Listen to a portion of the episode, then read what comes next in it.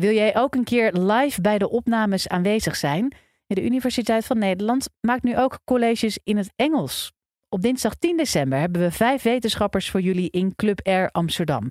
Met de code podcast krijg je 50% korting voor deze opnames.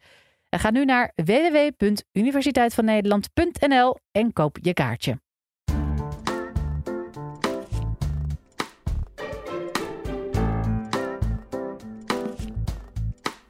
Gaan we harder lopen als we een bonus kunnen krijgen? Dr. Kilian Wawu is organisatiepsycholoog aan de Vrije Universiteit Amsterdam en vertelt in deze podcast hoe extra beloningen hun doel voorbij schieten.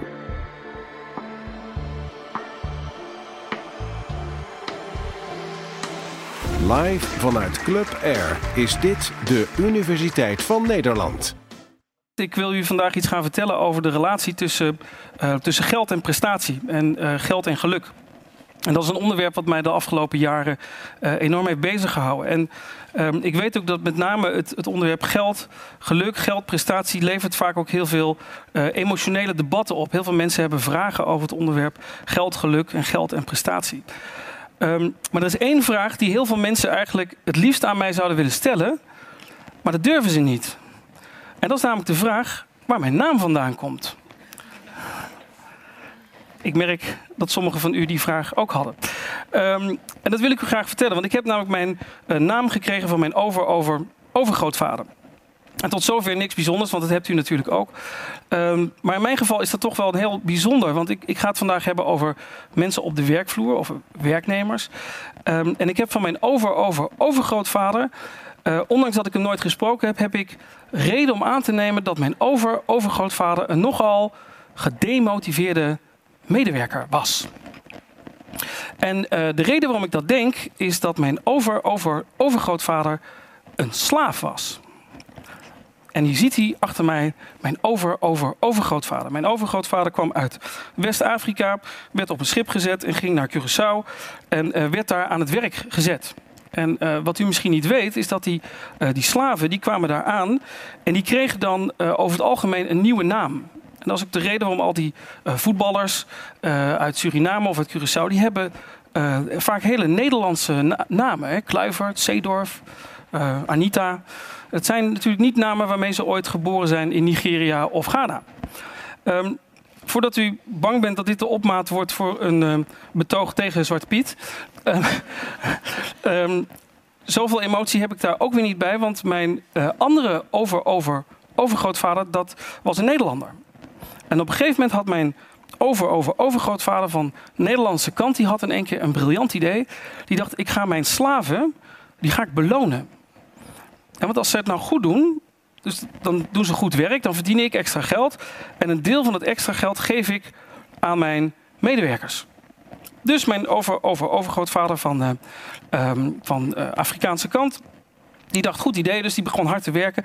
En die heeft toen zoveel geld verdiend dat hij zichzelf vrij heeft gekocht. Dus ik, uh, en daarom heeft hij zijn oude naam, die hij ooit had in Afrika, heeft hij teruggekregen. En er zijn vandaag de dag zijn er ongeveer zes families op Curaçao die nog een origineel Afrikaanse naam hebben. Dus ik, ik dank eigenlijk met name aan een bonusprogramma. um, maar dat, dat bonusprogramma zorgde ervoor dat mijn overgrootopa dat hij gemotiveerd werd. Dus het, het motiveren van medewerkers leidde tot meer prestatie. Dus geld leidt tot motivatie. Motivatie leidt tot prestatie. En wat andere middelen om te motiveren had je natuurlijk niet. Ja, je kunt uh, de slaaf van de maand. Had gekund. Je kunt uh, op zo'n zeepkist gaan staan voor een paar slaven en zeggen: Nou jongens, uh, dit is jullie plantage. Hè, wij zijn het beste. Maar die mensen waren niet, zoals dat psychologisch heet, intrinsiek gemotiveerd. Hè. Ze stonden daar niet voor hun lol. De vraag is, in de omgeving waarin ik heb gewerkt, en ik heb jarenlang in de bankaire sector gewerkt, is of die relatie tussen geld, motivatie en prestatie ook werkt.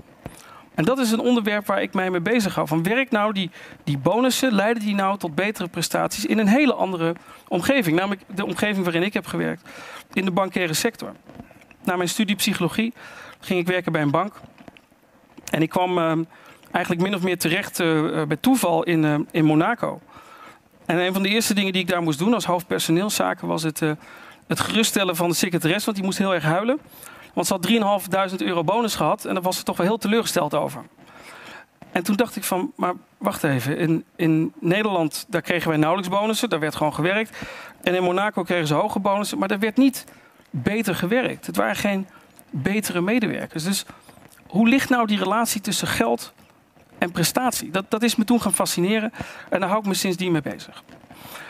Nou heb ik ehm, een kwartier de tijd om jullie uit te leggen hoe nou bonussen, prestaties werken in deze tijd. En wat blijkt nou is dat mensen uh, onder druk van geld slechter gaan presteren. En hoe komt dat nou? De eerste onderzoeken die hierover gaan, dateren eigenlijk uit de jaren 60.